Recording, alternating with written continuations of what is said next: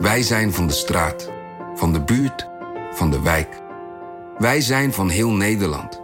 Samen zorgen we voor vrolijkheid, verbinding, feest. Samen brengen we in één jaar tijd 349 miljoen euro bij elkaar. Miljoenen waarmee onze goede doelenpartners de wereld groener, gezonder en rechtvaardiger kunnen maken. Nationale Postcode Loterij. Samen voor een betere wereld. Artificial intelligence verlegt ondernemersgrenzen. Maar hoe werkt dat voor u? Als transformatiepartner helpt Capgemini u kansen te ontdekken en benutten, zodat we uw ideeën tot leven brengen. Vorm uw eigen mogelijkheden met generative AI. Ontdek meer op capgemini.nl/slash AI. Capgemini. Get the future you want.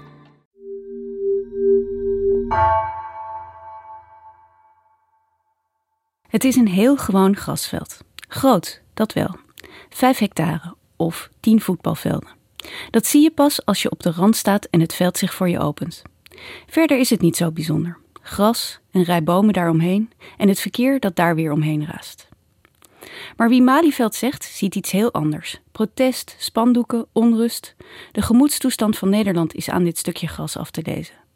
Want wie zorgen heeft of boos is, wie de politiek op andere gedachten wil brengen, gaat naar het Malieveld. En dat al eeuwenlang. Ik fiets door de Haagse nacht. Er is een bed dat op me wacht. Langs het binnenhof gesneld. Rij ik voorbij het Malieveld. En ik luister naar wat zij vertelt. Dit is het liefdeslied van de Haagse cabaretier Jacques Bral voor het Malieveld. Dat heb ik maar als een soort inspiratie opgevat. In plaats van een persoon volgde ik in 2020 een plek, het Malieveld. Een belangrijke plek voor de democratie, want het hele land komt daar demonstreren. Maar het is ook een plek van vertier. Vertier dat in 2020 grotendeels niet door kon gaan. In deze aflevering van Haagse Zaken neem ik jullie mee in dat jaar.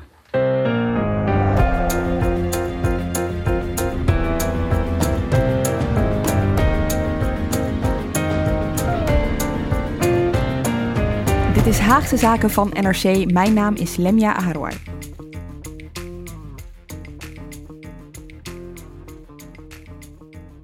Welkom in 2021. Het wordt een eh, heel erg interessant politiek jaar met Tweede Kamerverkiezingen en de nasleep van corona en, zoals je gewend bent, Haagse zaken. Over uh, ruim een week komt de Tweede Kamer weer terug van reces. Dan krijg je ook weer de reguliere Haagse zaken afleveringen, zoals je gewend bent. Maar deze week hebben we nog een speciale aflevering voor je. Titia Ketelaar, welkom. Jij vertelde ons net, je hebt een plek gevolgd. Ja, ik ben stadsverslaggever voor de stad Den Haag. Dus ik loop ook heel vaak rondom het Binnenhof, minder op het Binnenhof. En als stadsverslaggever kom ik natuurlijk heel veel op het Malieveld. Daar gebeurde van alles, of daar gebeurt van alles. En vorig jaar dacht ik, dit is een veld, een gewoon veld, een gewoon grasveld. Maar het heeft zoveel betekenis. En toen vatte ik het plan op om dat veld te gaan volgen. Of liever gezegd, te gaan volgen wat er op dat veld gebeurde. En toen bleek 2020 ook nog eens een jaar te zijn waarin er van alles gebeurde en op dat Malieveld eigenlijk alles samenkwam.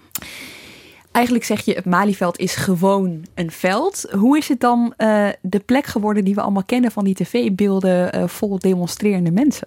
Nou, het is altijd een belangrijk punt in Den Haag geweest. Uh, we moeten echt terug naar lang, lang geleden, toen de graven van Holland hier op het Binnenhof een, een, een slot hadden. En het Malieveld, hun, het Malieveld, het Haagse Bos, hun jachtterrein was. Het Malieveld is ooit gekapt. Dus dat werd een grasveld. Het bos is blijven bestaan.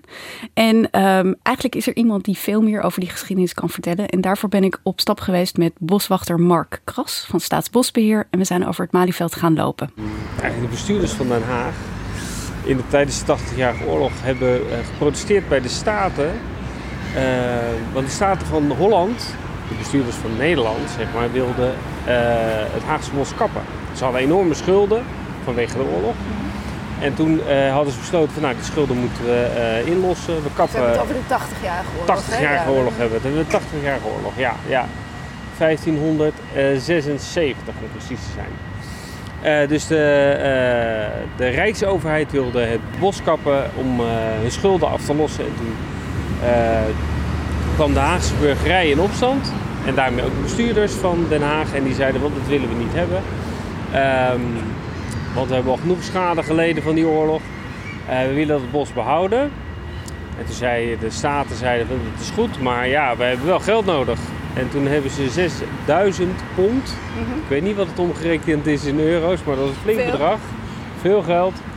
Aan de staat gegeven. En toen heeft Willem van Oranje, die natuurlijk hoofd van de staat was op dat moment, heeft de akte van redemptie getekend. En daarin staan een aantal dingen. En een van de dingen is dat het gebied altijd in handen blijft van de staat. En eh, dat het nooit gekapt mag worden. En het blijft voor altijd in handen van de staat. Nou, eeuwen, eeuwen, eeuwen later, in 1899, werden alle eh, staatseigendommen, zeg maar, natuurgebieden, werden overgedragen aan Staatsbosbeheer. En sinds die tijd beheren wij als Staatsbosbeheer het Malieveld, Koekamp en het Haagse Bos. Want dat hoorde bij elkaar. Dat is onlosmakelijk verbonden. Dat is ook in de akte van redemptie onlosmakelijk verbonden. Wat heerlijk. Je hoort ook echt de geluiden van het Malieveld op de achtergrond. Hè? Het Ja. spoor, het verkeer. Ja, het spoor en het verkeer. En het enige wat je nog net niet hoort zijn de, de vogels en de herten, die je daar ook normaal hoort. Ja. Ook interessant is dat dit een, een plek is die voor eh Hagenezen dus eigenlijk altijd belangrijk is geweest. Ja, dit, dit, was, en, dit was en het is voor, voor, voor ons, de inwoners van de stad, een plek waar je eh, ja, tot rust komt, waar je een ommetje gaat doen. Vroeger dus jagen, eh, maar ook een Malibaan is, is een sportbaan. Dus er werd eigenlijk al gesport in die tijd op het Malieveld. Ja. En het is dus een plek van alle Nederlanders. Want Ja. het wordt beheerd door Staatsbosbeheer. Dat is misschien nog wel even goed uit te leggen. Ja, dus vandaar dat ik er dus met de boswachter stond en niet met de burgemeester of met iemand anders. Het is voor alle en van alle Nederlanders, van ons 17 miljoen. En dat kwam eh, ook heel erg naar voren, vond ik heel mooi, in de, de boerenprotesten. Ze reden vorig jaar oktober, of 2019 oktober, reden ze het gas kapot. En Den Haag was boos. Dus de inwoners van Den Haag zeiden, ja maar eh, ons veld en eh, wat doe je ons nu aan?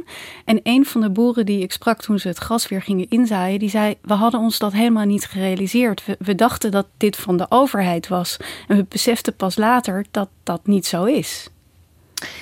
Ja, je hebt het over, ik vind het wel, je hebt het over ons. Je hebt, Ja. je hebt het over ons gas. Wordt, wordt dat echt zo gezien? Ja, nou absoluut. En, en zeker, nou, ik ben, ik, ik ben een Haagnaar, ik woon in Den Haag. En ehm, het is mijn, mijn corona-ommetje geweest om daar te lopen. Ik zie veel mensen daar sporten. Het Haagse bos is toch de, de groene long van de stad. Dus kom aan het Malieveld of kom aan, de, aan het strand en je komt aan ons Hagenaren. Dit klinkt heel dreigend, Tietje. Sorry. Ehm, en het is natuurlijk ook de plek, je had het al even die boeren, over die boerenprotesten. Het is de plek in onze democratie om te protesteren als je het ergens niet mee eens bent. Is dat ook al altijd zo geweest? Ja, ook al heel erg lang. Vorig jaar ehm, was ik met Mark Kranenburg bezig over het vrouwenkiesrecht. Daar hebben we ook een eh, podcast toen over gedaan.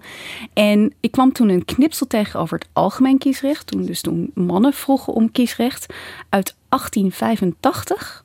En dat waren de, de strijders van het algemeen kiesrecht in het, in het vaderland. De krant werd zij geciteerd en toen zeiden ze: De regering werkt ons tegen. Zij weigert ons het Malieveld, dat toch van ons allen is. Fantastisch, ja. Nou, dat is eigenlijk eh, fast forward naar 2020, waarin de boeren ook zeggen: we dachten dat het van de overheid is, maar het is eigenlijk van ons allen. Ja, en ehm, als we het hebben over eh, het Malieveld in historisch eh, perspectief, eh, de vergissing van Troelstra. De vergissing van Troelstra. Dus hij zinspeelde in 1918 op een revolutie. Je moet begrijpen, dat was het jaar dat ook de tsaren ehm, eh, ja, vermoord eigenlijk werden.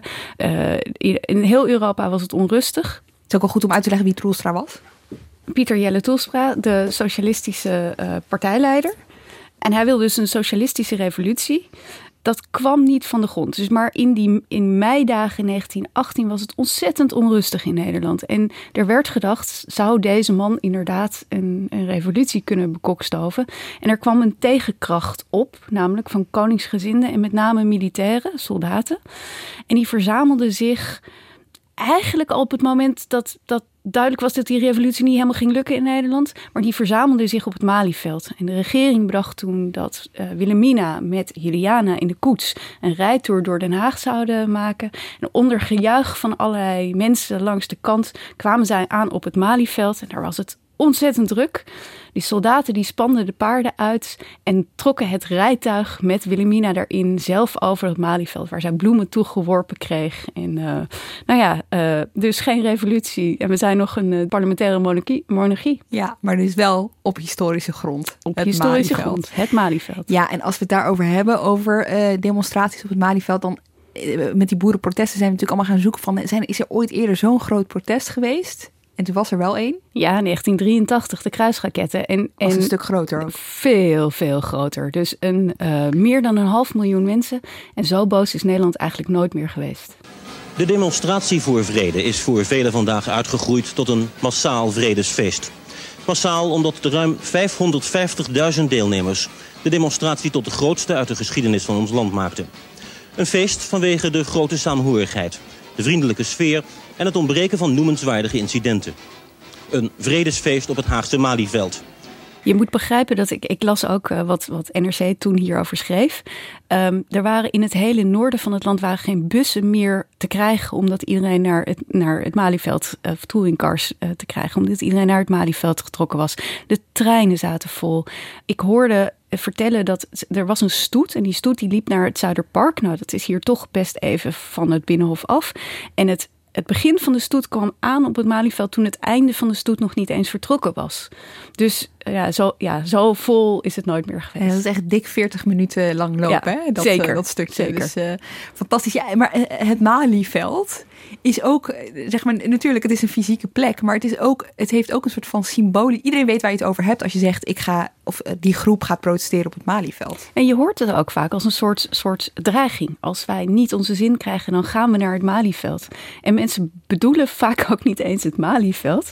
Want als je hier in de stad wil demonstreren, maakt het maar uit met hoeveel mensen je bent of je daar überhaupt terecht komt. Oh ja? Ja, je kan ook um, uh, naar de Koekamp, dat ligt ernaast. Of je kan naar het plein, je kan naar de Lange Je kan voor het Vredespaleis staan, je kan voor een ambassade gaan staan. Het ligt maar net aan wie, ja, waar, wat jouw boodschap is. Maar we bedoelen allemaal hetzelfde als we zeggen het Malieveld. Malieveld namelijk, bedoelen we borden mee. Borden mee, uh, spandoeken en, en een of andere slogan van wat er moet gebeuren. Maar we hoorden het net, uh, die boswachter uh, Marco eventjes zeggen. Hij noemde ook de Koekamp. En hij noemde nog het iets? Haagse Bos. Het Haagse Bos, inderdaad. Het zijn eigenlijk drie delen, hè? Ja, dus um, je komt vanaf het Centraal Station gelopen. En dan kom je eigenlijk eerst kom je op de Koekamp aan. En de Koekamp bestaat uit twee delen. Uh, links, dat is de, de nieuwe Koekamp. Dat heet officieel de Laan van Reagan en Gorbachev. Daar zijn vaak wat kleinere demonstraties. Um, dus uh, uh, nou, daar zijn ook wel boerendemonstraties bijvoorbeeld geweest. Kick-out Zwarte Piet heeft daar een keer gestaan. Dat, dat, zijn wat, dat een wat kleinere, behapbare plek. Rechts heb je het Hertenkamp. Dat, dat is de officiële koekamp. Er staan dus ook al sinds 15 nog wat herten daar. Daar zit een mooie laan met bomen. En daarachter heb je een poffertjeskraam. En dan heb je het Malieveld. En als je het Malieveld doorloopt, uh, je gaat nog iets verder naar rechts en je loopt langs de herten, dan kom je in het Haagse Bos aan. En het Haagse Bos eindigt bij Paleis Huis den Bosch. Ik zie het al helemaal, ik zie het helemaal voor me zo. En, en, en, en dat koekamp, je had het net over herten. Je hoort ook beurlen, hè? Ja, je hoort zowel van de damherten als van de edelherten hoor ja. je het beurlen. Uh, tenminste hoor je de bronstijd. Uh, ja, en wat, wat de hertenkamp is de oudste hertenkamp van Nederland. Mm -hmm. uh, dat, dat is wel heel erg bijzonder. Dat gaat, en de geschiedenis gaat terug naar 1450. Dus het is echt wel heel lang geleden. Uh, en het heet Koekam. Ja. Dat is ook wel weer bijzonder, terwijl het een hertenkamp is. Ja. Dus er zit een heel uh, mooi verhaal aan. Uh, en je kan inderdaad gewoon, waar mensen naar de Veluwe gaan om de edelherten te zien bronzen. Kan je ook gewoon naar het Centraal Station in Den Haag vijf stappen lopen en dan... en dan ga je hier bij het hek staan ja. en dan zie je dat de edelherten in de brons zijn. Weet je wat ik hier zo bijzonder aan vind? Zeg maar, Den Haag, alles eromheen. Weet je wel, dat stationsgebied, de gebouwen schoten de lucht in. Uh, het, station, weet je, het, is, het ligt op een steenworp afstand van, uh, van de binnenstad. Maar dat deel is dus blijkbaar redelijk onaangeraakt gebleven. Ja, en dat, dat uh, boswachter Mark had het dus over de akte van redemptie. En die akte van redemptie zegt dat het, het Haagse bos en de warande, dus de Koekamp en het Malieveld, niet verkocht en gekapt mogen worden. Dus, dus eigenlijk sinds 1576. Er zijn allerlei plannen geweest om bijvoorbeeld uit het Vredespaleis daar neer te zetten. Ja, dan komt de, de bewoners van Den Haag zeggen: akte van redemptie, ho, ho, stop, kom niet aan ons bos. Dus, oké, dus het, er kan eigenlijk ook niks meer. Nee, er is natuurlijk bijvoorbeeld... Uh, de Duitsers hebben in de Tweede Wereldoorlog het Haagse bos gebruikt om raketten te lanceren.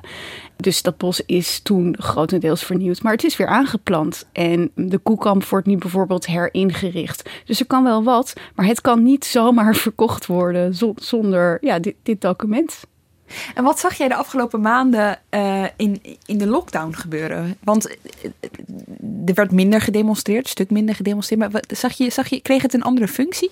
Er werd niet zozeer minder gedemonstreerd, maar er werd anders gedemonstreerd. Maar wat je vooral zag was dat de inwoners van Den Haag, en ikzelf ook, die plek heel anders gingen gebruiken. Dus voor je lunchwandelingje. Het, het, ik, op een gegeven moment kwam ik er aan het eind van de middag langslopen. En toen was er een zangkoor aan het oefenen. Op afstand. Maar die mochten natuurlijk niet binnen oefenen.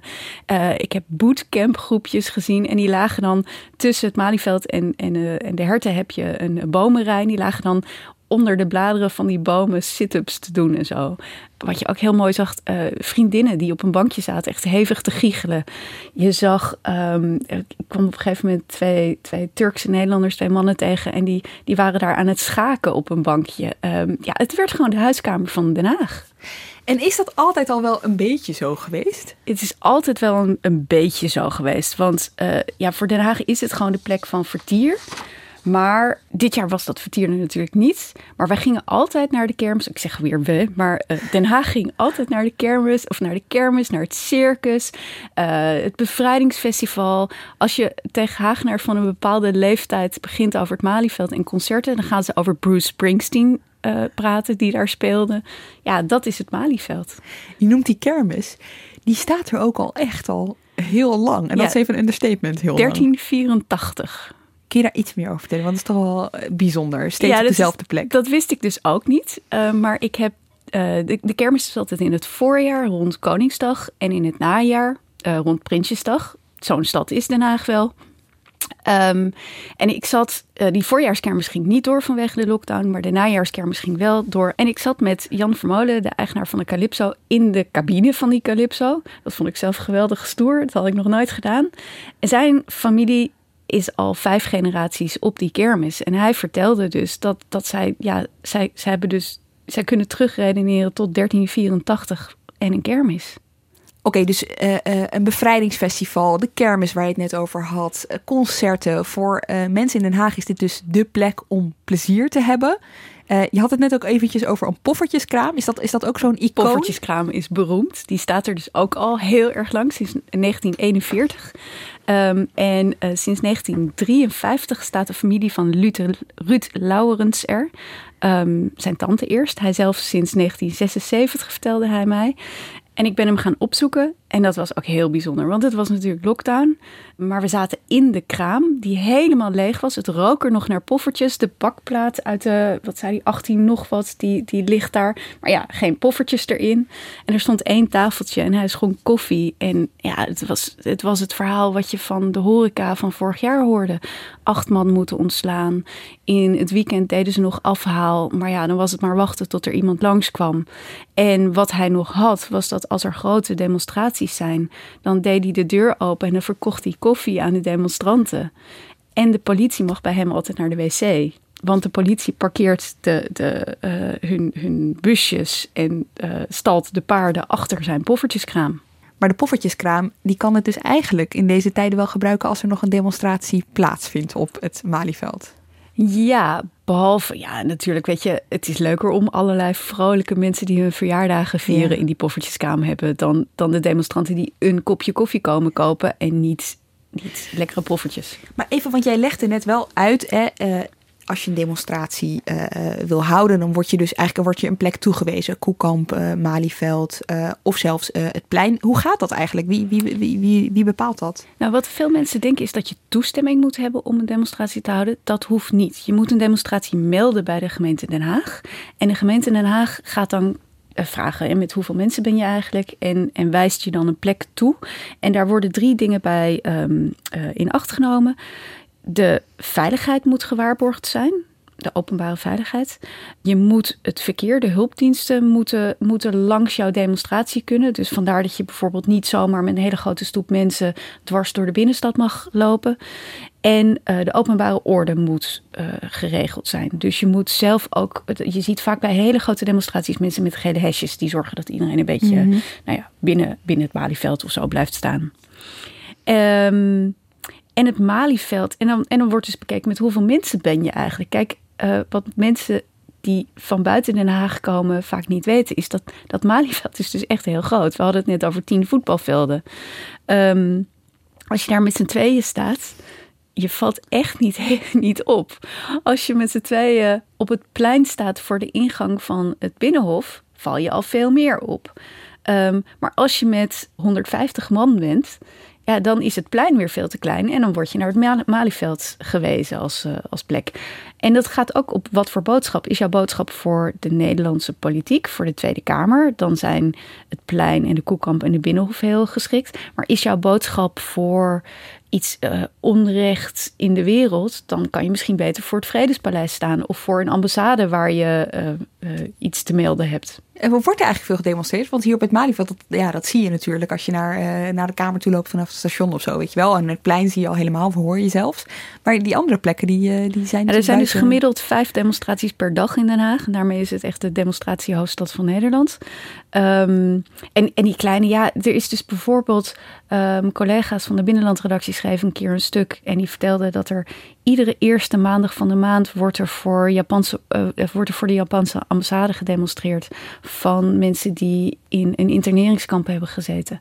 Nou, dat is nog altijd gaande en dat is misschien minder zichtbaar, maar dat is er dus wel uh, iedere maand. En is dat aantal van vijf per dag ook tijdens corona door blijven gaan? Of, of zag je minder, uh, werd er minder gedemonstreerd? Nou, je zag eerst aan het begin van de lockdown, zoals in de hele samenleving, zag je dat we ons allemaal heel erg aan de regels hielden en allemaal moesten wennen en, en thuis bleven demonstreren mocht altijd. Het, is een grondrecht. Dus uh, het is niet zo geweest dat het verboden was. Maar er is wel een periode geweest, zeg uh, in april, toen de, de boosheid wat opliep, op de onrust wat opliep. Uh, toen er demonstraties gemeld werden en de waarnemend burgemeester van Den Haag, Johan Remkes, er een aantal toen verboden heeft, omdat, en dat zei ik net, er zijn drie punten waar één is de openbare veiligheid. En corona was een veiligheidsrisico. Dus hij wilde demonstraties alleen toestaan als die anderhalve meter gewaarborgd kon zijn. En dat mensen niet om een kluitje zouden staan. En wat gebeurt er nou vaak met demonstraties? Zeker als de boosheid een beetje groot is, dan ga je toch lekker dicht op elkaar staan. Dus dat was bij Remkes. En toen hebben we uh, natuurlijk de Black Lives Matter demonstratie gehad op de Dam in Amsterdam. Daar, daar zag je dat mensen heel dicht bij elkaar waren toen is er heel erg met de organisatie van Black Lives Matter hier in Den Haag gesproken. Van wat willen jullie? En die hadden toen op het Malieveld, kwamen ze samen. Die hadden echt ja, stippen en mensen op afstand. En mensen met hesjes die de hele tijd riepen afstand houden, afstand houden. En uh, bij, de, bij het begin van het Malieveld, bij die poffertjeskamer, stonden mensen toen mondkapjes uit te delen. En toen bleek dat dat best kon, demonstreren met, met een afstand uh, van elkaar je, moest er, je moet er wel steeds op hameren. En eigenlijk uh, zijn vanaf toen de meeste demonstraties gewoon doorgegaan zoals ze altijd doorgaan. En wat zag je zo allemaal voorbij komen dit jaar? Oh, van alles. Goh, uh, we begonnen en dat, dat is eigenlijk niet zo heel ver opgevangen. Daar, daar was ik niet eens bij. Dat, achteraf hoorde ik dat die er geweest waren met de vuurwerkbranche. Weet je nog? Eind 2019 werd bedacht dat uh, er dit jaar alleen nog maar, of uh, 2020, dus de afgelopen jaarwisseling, nog alleen maar uh, siervuurwerk afgestoken mocht worden. En de vuurwerkbranche wilde laten zien wat het verschil is tussen illegaal vuurwerk en legaal vuurwerk. Dus die hadden iets, een enorme illegale knalpot bij zich. Ik heb er dus alleen maar filmpjes van gezien oorverdovend werd midden op het Malieveld afgestoken.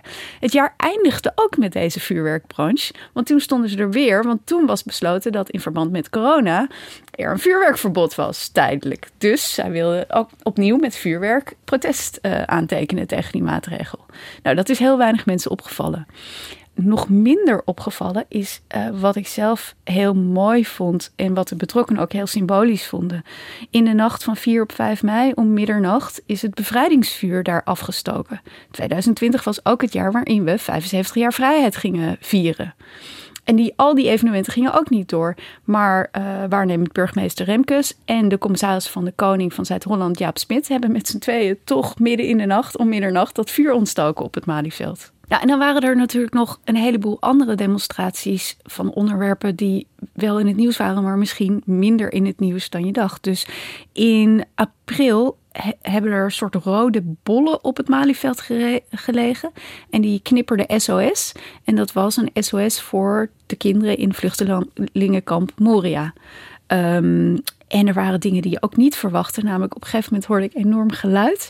En toen bleek er een soort kerkdienst aan de gang te zijn. En dat waren evangelische activisten.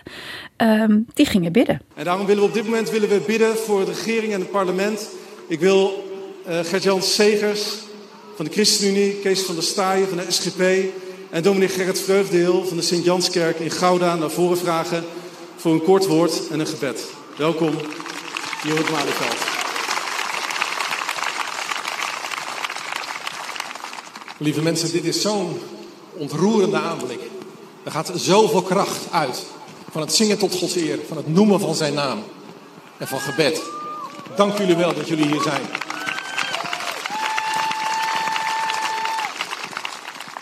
Er is heel veel in dit land wat je grote zorgen kan baren.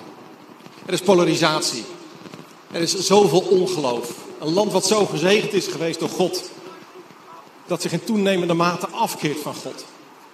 Maar mijn gebed is dat vanavond deze plek, deze bijzondere plek, geen plek is van gebalde vuisten, maar van gevouwen handen. Was jij hierbij? Ik was hierbij. En ja. kun je omschrijven, wat zag je? Wat zag je hier gebeuren? Nou, allereerst vond ik het heel bijzonder, want ik had Gert-Jan Segers niet zo vaak horen preken. Ik hoor hem toch vaker in de Tweede Kamer of uh, in talkshows of iets dergelijks.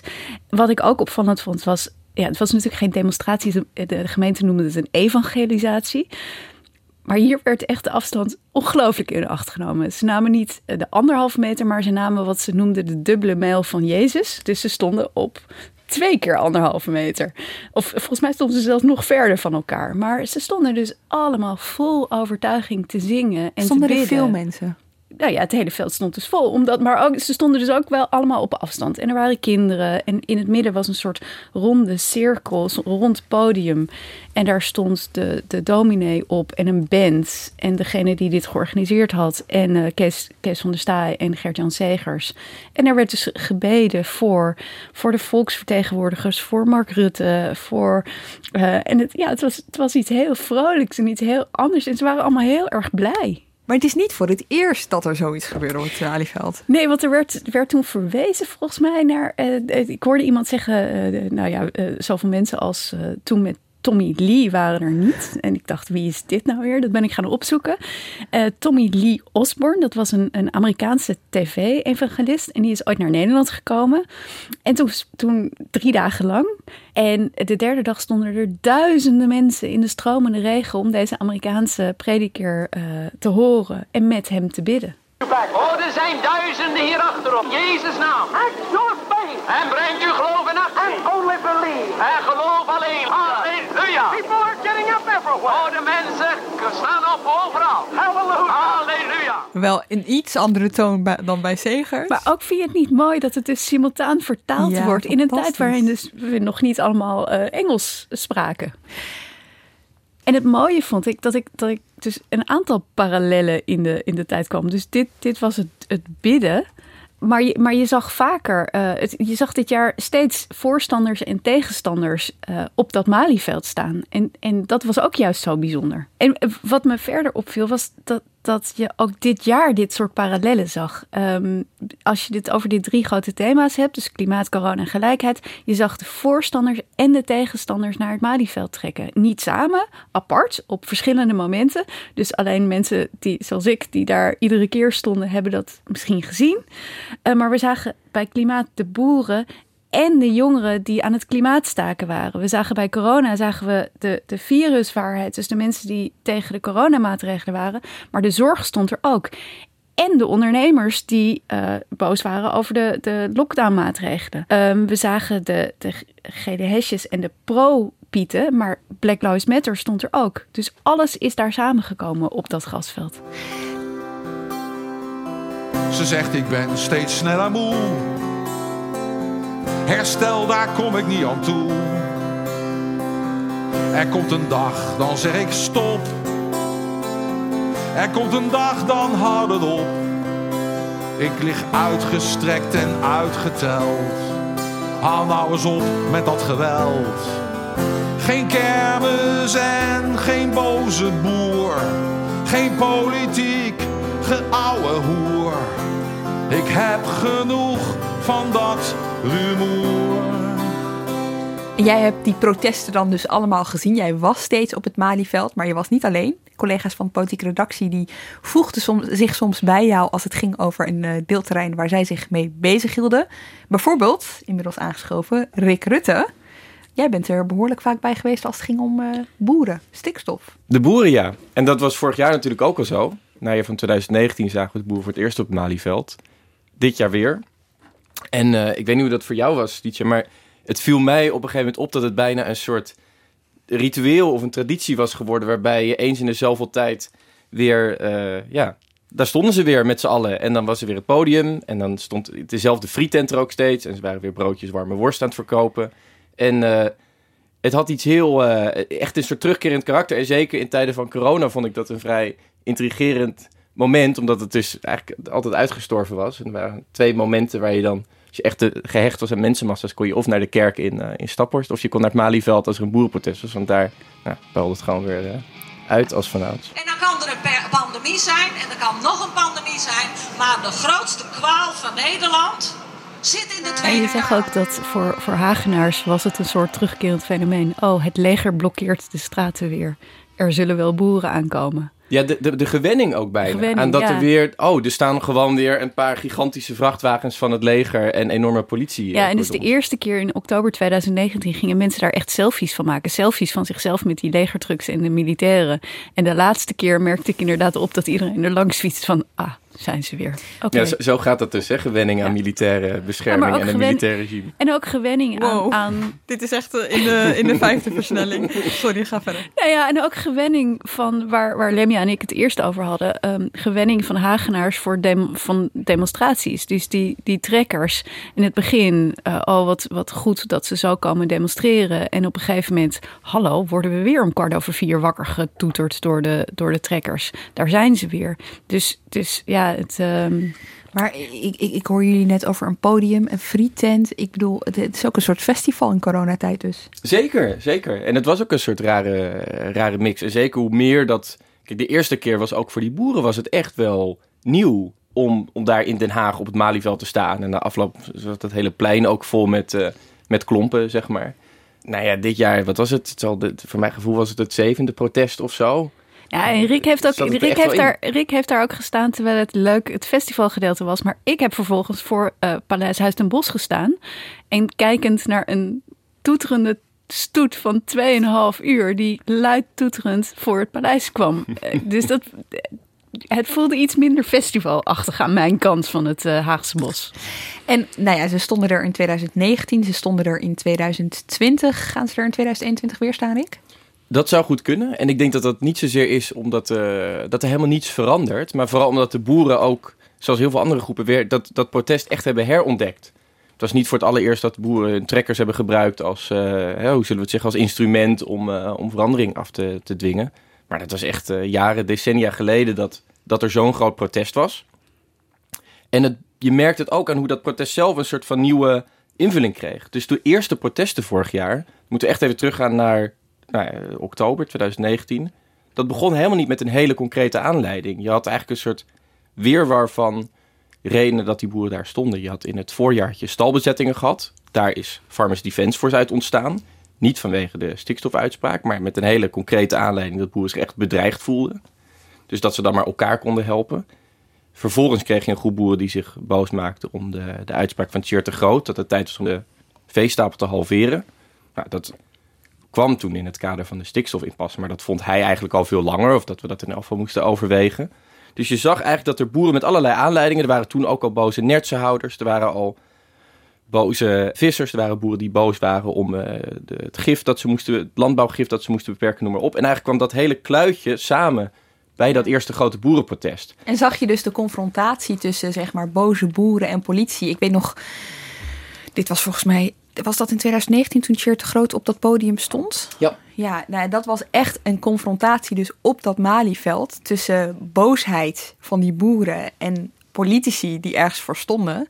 En, dat, en dat ze elkaar dus ook nog in de ogen keken. Ja, dat was het dus. Ik stond toen achter Cheer te Groot op dat podium. En je zag dus eigenlijk een beetje, probeerde ik door zijn ogen te kijken. Weet je wel, van wat gebeurt er nou voor hem? Middelvingers, mensen die met hun rug naar hem toe gingen staan. En dat was eigenlijk ook, dat is best bijzonder om te zien. Weet je, naast alle sociale media, waar mensen natuurlijk een triggervinger hebben om eh, heel snel heel boos te zijn online.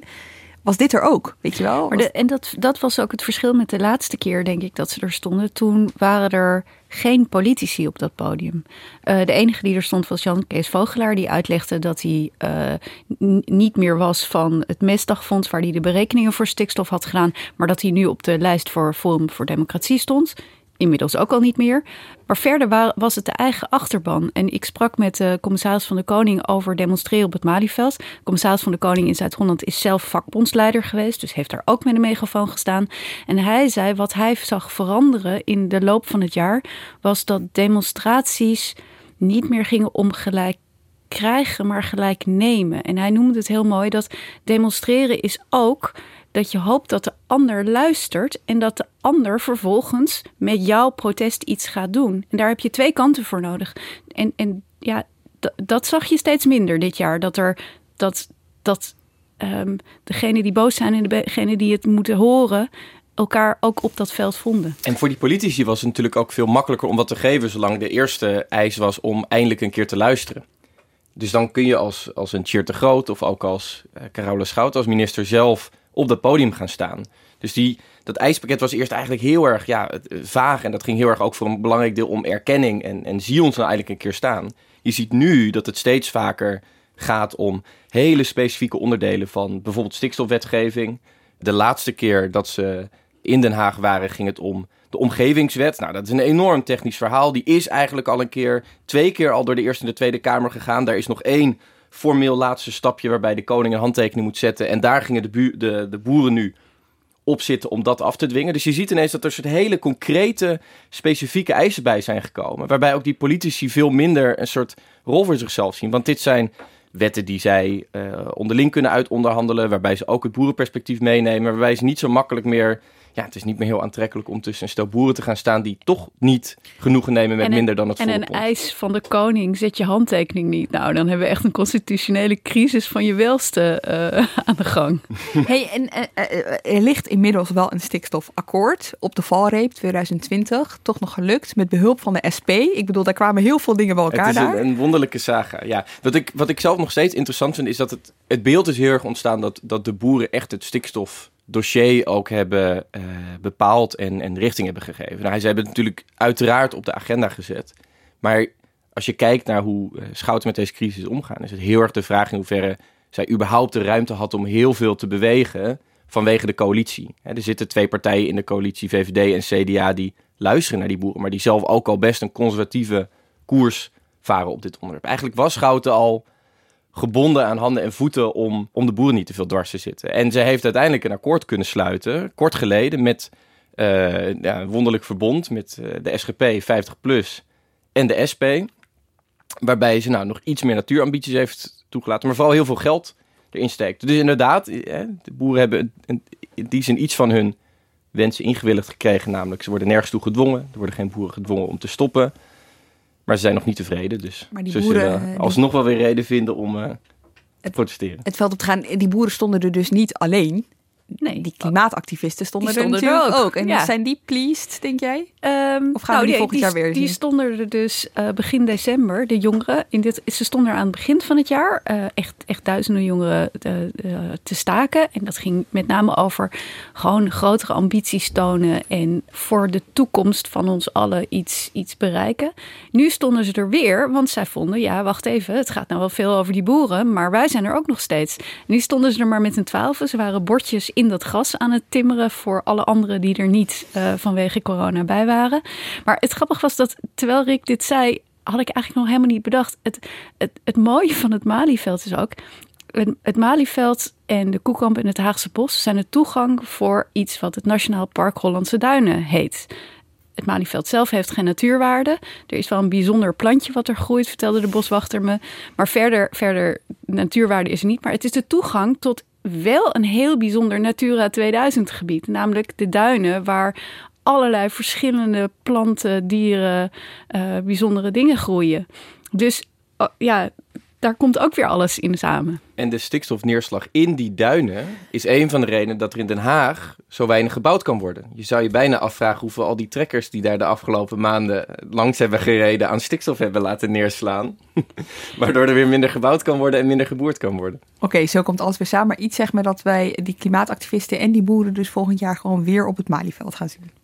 Ik zou zeggen op het Malieveld, maar vooral ook op allerlei plekken. En het Malieveld is een soort van broedplek geworden. In elk geval voor de boeren. Ik weet niet hoe jij dat verder hebt gezien, maar waar, dat was waar de boeren het eerste samenkwamen. Maar je zag de afgelopen maanden, deze zomer uh, stonden er ineens tientallen trekkers bij het provinciehuis in Assen of bij een politiebureau, omdat ze een paar collega's wilden bevrijden die waren uh, opgepakt bij een boerendemonstratie. Ze stonden bij distributiecentra omdat ze hogere prijzen wilden afdwingen bij de supermarkt. Dus daar op, die, op het Malieveld is een soort idee weer geboren van, hey, die trekker biedt macht. Als we samen zijn, dan staan we sterk.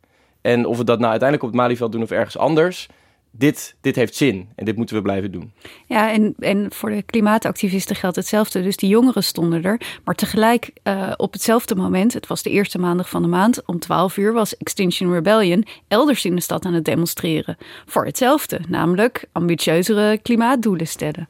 Dankjewel. Rick Rutte. En uh, Tietja, wij gaan verder met het uh, volgende onderwerp dat dit jaar zowel op het Binnenhof, maar zeker ook op het Malieveld uh, speelde. En dat is ongelijkheid of het racisme-debat in Nederland. En daarvoor is op afstand aangeschoven Guus Valk. Kun je me horen? Hoi. Yes. Hey, um, je zag in 2020 wel echt een verschuiving hè, in dat racisme-debat. Ja, ik vind het echt een kanteling in uh, Den Haag. En uh, het, het, kan ook interessant zijn, dat is misschien nu moeilijk om, uh, om achter te komen, maar het kan ook interessant zijn om, om na te gaan in hoeverre de, de demonstratie ook op het Malieveld daartoe heeft bijgedragen. Ja, want het is wel even goed om de context te vertellen. Black Lives Matter klonk luider na de dood van George Floyd in de VS.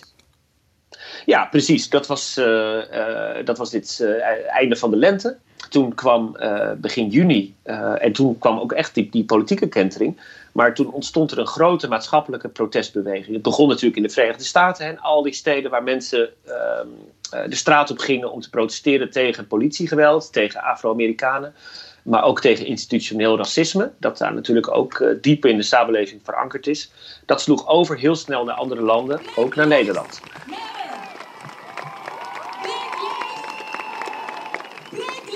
Um, vervolgens uh, ontstonden er grote demonstraties, onder meer op de Dam, maar ook op het Malieveld.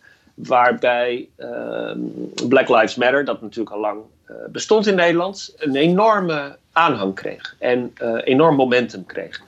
Die demonstraties, in de, in, de, in de nasleep van die demonstraties, zag je in Den Haag ook gebeuren dat er anders over racisme werd gepraat. het debat werd echt opengetrokken, zou je kunnen zeggen.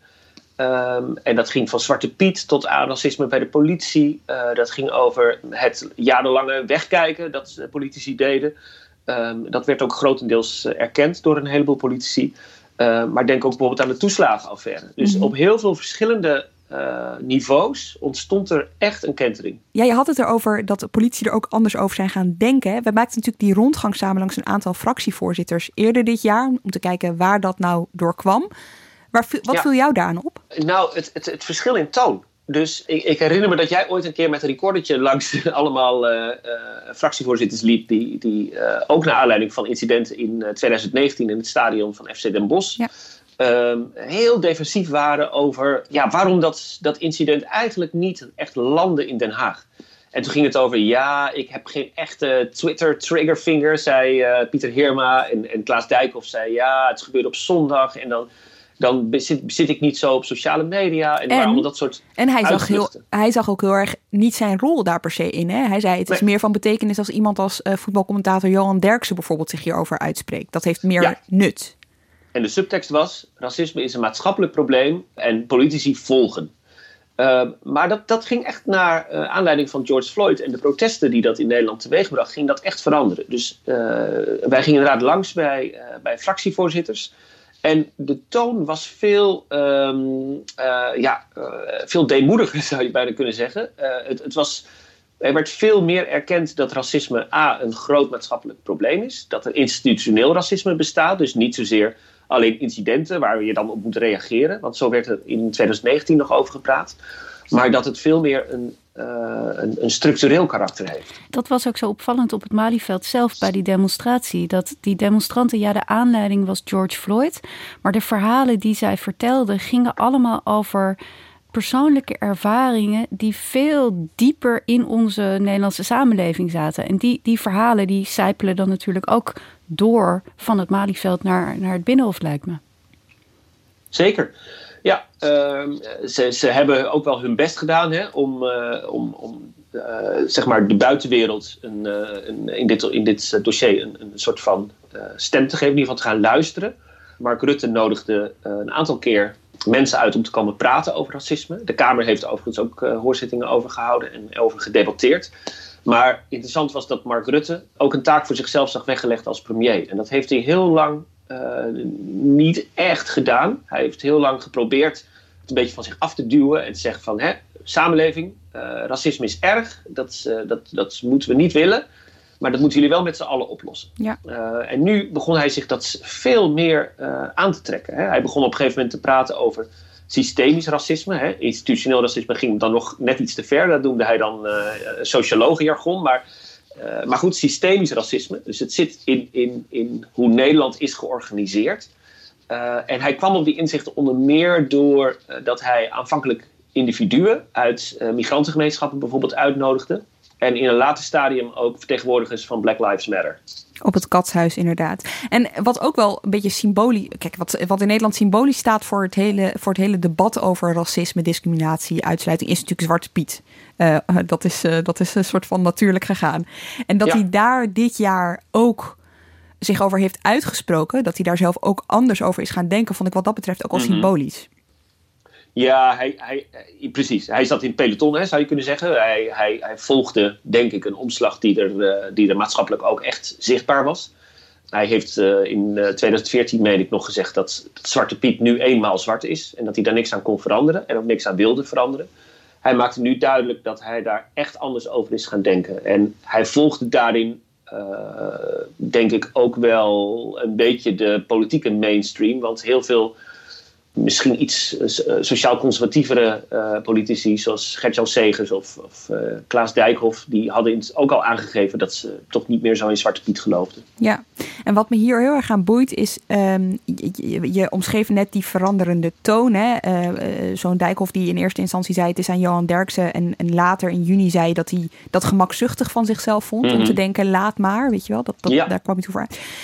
Er is dus een verandering in denken geweest. In 2017 bij de Tweede Kamerverkiezingen was dit een, een, een, een, een thema, hè, een, een campagnethema. Toen ging het heel erg over de identiteitskant. Dus bezien mm -hmm. vanuit zeg maar, de bezorgde burger. Weet je wel, dit hele mm -hmm. thema bezien door de ogen van. Ik was heel erg benieuwd of dit in 2021 in de campagne dus, omdat dat denken is veranderd, dus ook het thema vanuit een andere hoek zou belichten tijdens, uh, tijdens de campagne. Inmiddels is corona er, dus ik vraag me af, denk je dat dit nog een, een, een thema wordt komend jaar? Nou, ik denk dat uh, op een gekke manier corona de, de, het afscheid nemen van Zwarte Piet heeft versneld. Omdat er nu eenmaal veel minder bijeenkomsten zijn veel minder plekken waar, uh, waar mensen met, uh, met, met zwart geprinkte gezichten gezien worden, is het, is het als, als vanzelf ook uit het straatbeeld verdwenen. Ik denk dat dat wel een, een, een belangrijk zetje heeft gegeven aan, aan deze discussie. Ik zal maar zeggen, de normalisering van een zwarte pietloze december, zal ik maar zeggen. Je moet ook even naar links kijken, denk ik. Want um, ook links heeft in Den Haag lange tijd niet over racisme willen praten. En ook eigenlijk liever niet over Zwarte Piet. Iemand als uh, Jesse Klaver van GroenLinks uh, heeft altijd um, ja, een beetje koud watervrees gehad als het over identiteit ging. Omdat hij het gevoel had dat hij als linkspoliticus dan altijd op Wilders moest reageren. -hmm dat daar niks te winnen viel. En dat hij het verwijt zou krijgen van, uh, van oh, kijk links weer eens aan identiteitspolitiek doen. Dus ook bij links was er koudwatervrees. Niet alleen maar zo dat, dat, dat rechts alles tegenhield en links van alles wilde. Het is, het is en links en rechts is er echt iets uh, fundamenteels veranderd. Wat me wel opviel was, het is wel twee stappen vooruit en één stap achteruit in Den Haag. Um, er kwam ook een groot racisme-debat op 1 juli uh, afgelopen jaar. Uh, alle fractievoorzitters gingen toen vertellen hoe erg zij racisme vonden en, en dat er veel aan gedaan moest worden. En toen zag je hoe moeilijk het is om in de Haagse vliegenafvangcontext um, zo'n belangrijk maatschappelijk probleem echt verder te brengen. Ik, ik citeer even uit ons eigen verslag. GroenLinks-leider Jesse Klaver noemde PVV-leider Geert Wilders een idioot. En die noemde hem, hem dan weer een politieke hooligan. Denkleider Farid Azarkan noemde Wilders een bandiet en crimineel. En SP'er Lilian Marijnissen een beschonken komkommer. Ja, de samenleving nou ja, is goed terug te horen in de Kamer af en toe. Het is echt, uh, dat was echt een verschrikkelijk debat. Dat ja. ook, denk ik, uh, de ernst van de situatie geen recht deed. Maar veel meer was van, en toen zei u dit, en toen zei u dat, en nu zei u dit. Hoe komt nou, dat ja. dan? Hoe komt dat dan? Hoe komt het dan dat, dat, dat, dat, dat het, als iedereen het zo belangrijk vindt, dat het in zo'n debat toch terug wordt gebracht tot dit? Onmacht, denk ik. Um, het was zo dat Wilders met zijn inbreng, uh, en dat gold ook van Fried Asserkan, uh, heel veel reacties opriepen in de Kamer. En, en dat, dat gaf een soort van eigen uh, chemie of zo. Maar het laat ook wel zien hoe moeilijk het is om, uh, om in een Kamerdebat echt tot grote nieuwe inzichten te komen, denk ik. Maar dat was denk ik voor, ook voor veel mensen die, die antiracisme een warm hart toedragen, denk ik een grote teleurstelling. Toch moet je wel zeggen, hè, er gebeurt wel degelijk wat in, in Den Haag. Hè. De, de Eerste Kamer begint, uh, dat is vrij uniek, een parlementair onderzoek naar, uh, naar racisme. Daar zullen we de komende maanden meer over horen. En er komt een nationaal coördinator discriminatie en racisme. Iemand die daar op verzoek van minister Ollongren van Binnenlandse Zaken gaat uitzoeken in welke mate zeg maar, institutioneel racisme bestaat en wat eraan gedaan kan worden. Bestrijding, hè? Discriminatie en racisme bestrijding. Dus niet iemand die het gaat coördineren, maar iemand die over de bestrijding gaat. Ja. maar goed, we kunnen dus wel stellen, dit thema is in 2021 nog echt niet voorbij. Zeker niet. Ik denk dat dat ook niet meer uh, echt weggaat. Kijk, uh, corona zal uh, de komende verkiezingen echt domineren. Maar ik denk dat de toeslagenaffaire heeft laten zien hoe, hoe diep geworteld institutioneel racisme in, de, in het Nederlands openbaar bestuur is. En in, de, in, in hoe Nederland is georganiseerd dat heeft denk ik veel mensen de ogen geopend. Um, en ik denk dat dat iets blijvends is. Ook de wil om daar iets aan te doen. Dankjewel, Guus Valk. En Tietje, dan blijft er nog één onderwerp over, hè? Ja, het laatste onderwerp dat ik noemde. En dat zijn er eigenlijk een heleboel bij elkaar. Want 2020 was natuurlijk het jaar van corona. En er stonden heel veel verschillende groepen op het uh, Binnenhof om uh, zich te laten horen over dat onderwerp. Over, over, wie hebben we het dan? We hebben het eigenlijk over, over eigenlijk alle, alle groepen. Dus de zorg heeft er gestaan, de ondernemers hebben er gestaan en de mensen die tegen de coronamaatregelen waren. En inmiddels is uh, bij ons aangeschoven om ons, ja, ik hoef je volgens mij niet eens meer te introduceren, want als het over corona gaat bij Haagse Zaken, kan maar één man aanschuiven, Pim van den Dol. Ja, wat heb jij zien gebeuren qua, qua uh, protesten de afgelopen, het afgelopen jaar als het gaat over jouw onderwerp, de zorg? Mm, ja, nou, uh, ik heb even teruggezocht van wanneer die uh, protesten ook tegen het coronabeleid nou eigenlijk begonnen.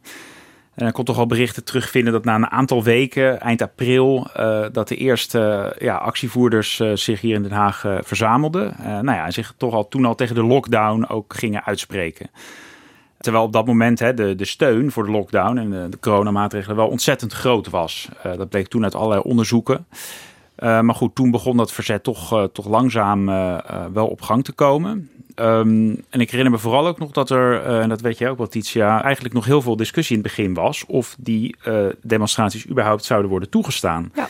Want de lockdown was toen ook hè, best streng. En ja, demonstraties, dat is natuurlijk een risico voor het virus. Uh, en volgens mij was uh, burgemeester Remkes daar nog best streng in. Heeft hij nog een paar keer ook betogingen verboden. En wat daarbij natuurlijk ook nog meespeelde, is dat deze activisten moedwillig de coronaregels juist wilden overtreden op die demonstraties. Ik kan me nog herinneren dat mensen elkaar expres gingen knuffelen en zo. Ja, ja en ook precies. als verslaggever wilden ze je de hele tijd de hand schudden en, en omhelzen. Ja. Hoe deed jij? Hoe gingen jullie daar dan mee om? Dat is, ik, ik vind dat zelf heel lastig. En, en ook, dus bij het verschil met het vorige onderwerp, dus bij Black Lives Matter werden er mondkapjes uitgedeeld. En wij hadden zelf, de fotograaf en ik, een, mondkapje op. Dat vond niemand een probleem. En we hebben virus uh, eerst waanzin en toen waarheid. Vonden mensen dat je daardoor stelling nam. En dat wil je als journalist, wil je dat voorkomen.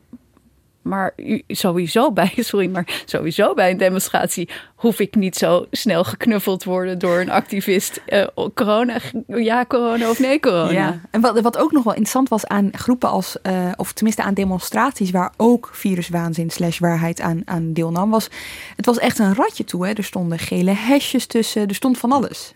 Ja, ja klopt. Ehm, je had natuurlijk het clubje wat eerst Viruswaanzin heette, later Viruswaarheid, hè, van Willem Engel, wat natuurlijk het, eigenlijk het gezicht werd van de uh, anti-corona-protesten.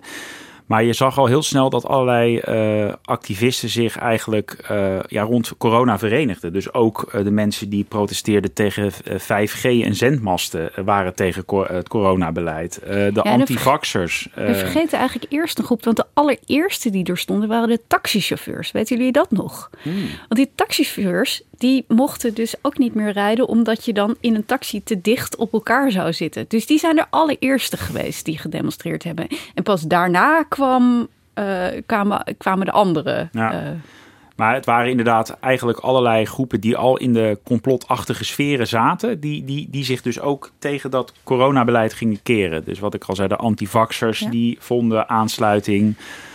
Um, 5G ja, 5G. Um, uh... Het was een ratje toe. Maar. Nou, nou ook, ja, dit, dit is het geworden. Maar ik weet nog die demonstratie die uit de hand liep op 21 juni. Die was niet toegestaan, die gebeurde toch.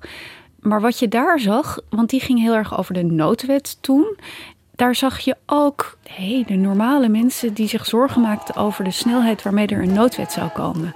En zich zorgen maakten over meer over de ja, de, de juristen in Nederland. Dus, uh, de, en die was er ook nog, maar die is echt afgeschrokken door de anti-5G in de vaccinaat anti-vax-beweging. Uh, dus die eerste echte grote, daar, daar zat echt van alles. Daar, daar liep, nou ja. Ja.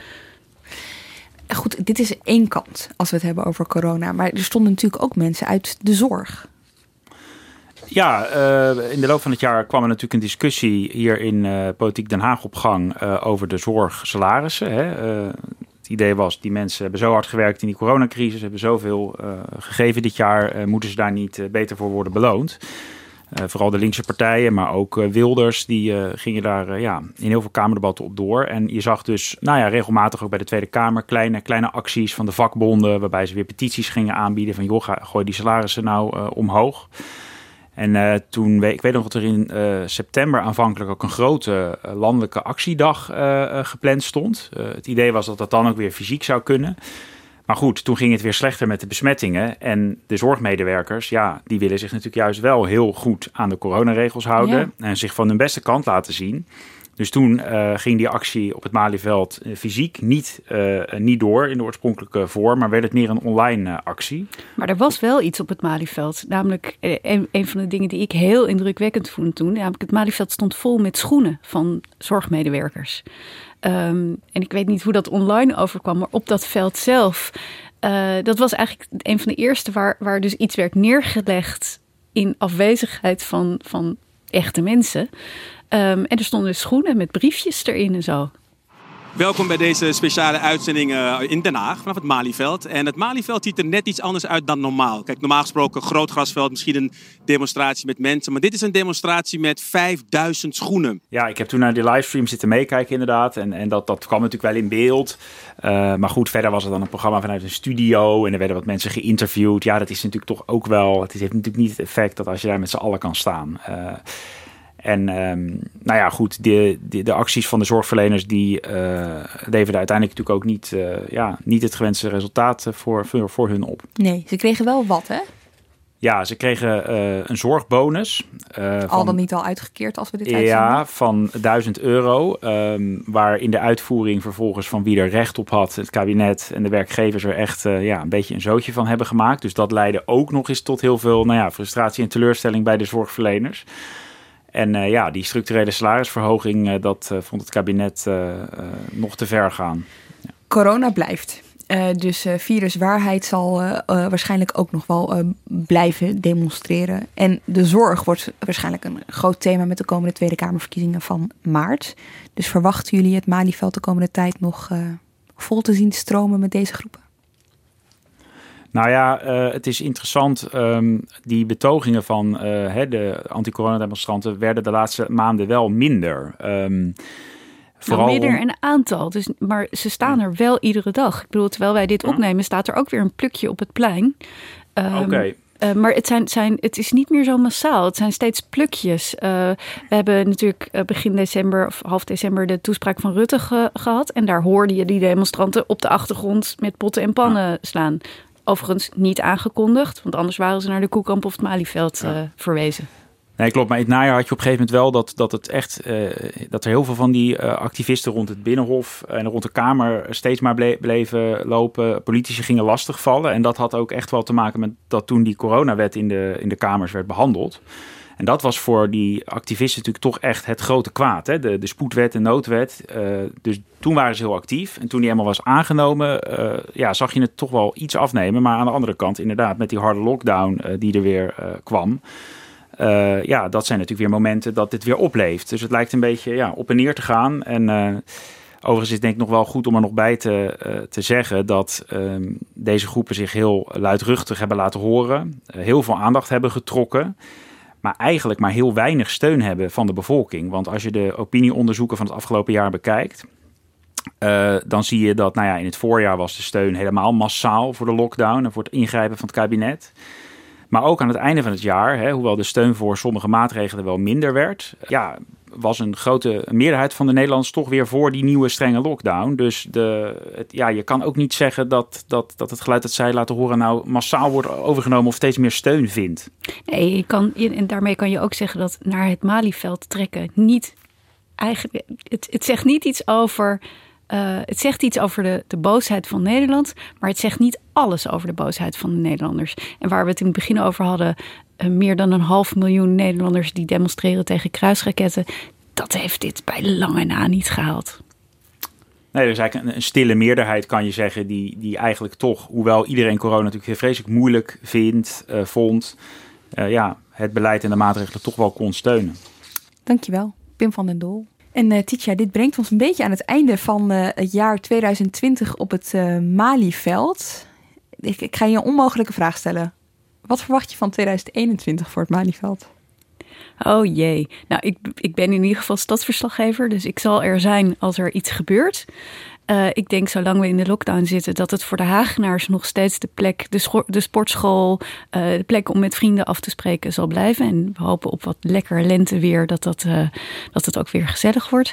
En ik, nou ja, ik ben zelf niet een enorme kermisfan, maar ik hoop toch dat de kermis er komt. Er was sprake van dat Parkpop dit jaar in plaats van het Zuiderpark op het Malieveld zou staan. Nou, zou het toch niet gaaf zijn om, om zo een coronavrij jaar te vieren? Dat zou heel uh, mooi zijn. En die poffertjeskraam, is die nou nog open voor afhaal? Die is nog open voor afhaal. En zodra die weer open is, dan denk ik dat ik toch wel poffertjes ga eten. Ga ik met je mee. Dankjewel, Titia Ketelaar. En jij ook weer bedankt voor het luisteren.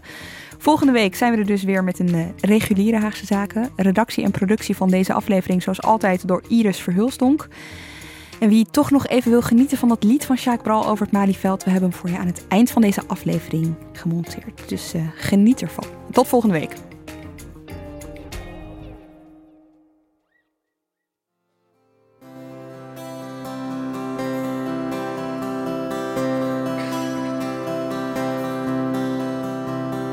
Ik fiets door de Haagse nacht. Er is een bed dat op me wacht langs het binnenhof gesneld. Rij ik voorbij het Malieveld en ik luister naar wat zij vertelt. Ze zegt ik ben steeds sneller moe. Herstel, daar kom ik niet aan toe. Er komt een dag, dan zeg ik stop. Er komt een dag, dan houd het op. Ik lig uitgestrekt en uitgeteld. Haal nou eens op met dat geweld. Geen kermis en geen boze boer. Geen politiek geouwe hoer. Ik heb genoeg van dat rumoer.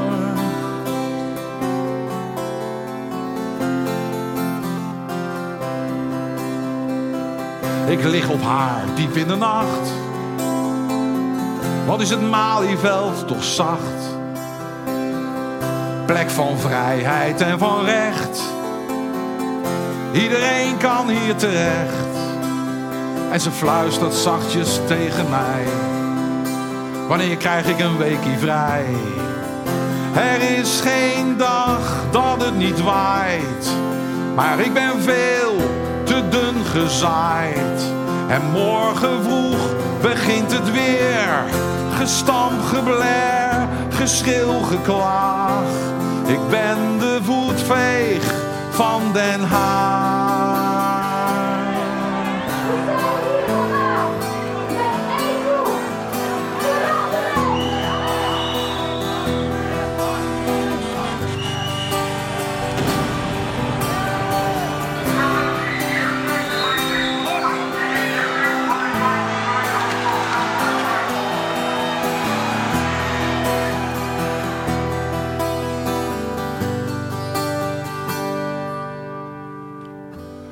Fiets ik naar mijn warme bed. En ik heb het Malieveld gezegd. Het is al laat, neem nu je rust. En heb haar liefdevol gekust. Je hebt aardig wat vermogen opgebouwd. En daar zit je dan, met je ton op de bank. Wel een beetje saai, hè? Wil jij, als belegger, onderdeel zijn van het verleden of van de toekomst? Bridgefund is een slimme fintech die een brug slaat tussen de financiële behoeften van ondernemers en van beleggers. Dus wie belegt bij Bridgefund krijgt niet alleen een mooie vaste rente, maar brengt ook ondernemers in beweging. Echt waar, met die ton kan je zoveel betere dingen doen. Bridgefund. Make money smile.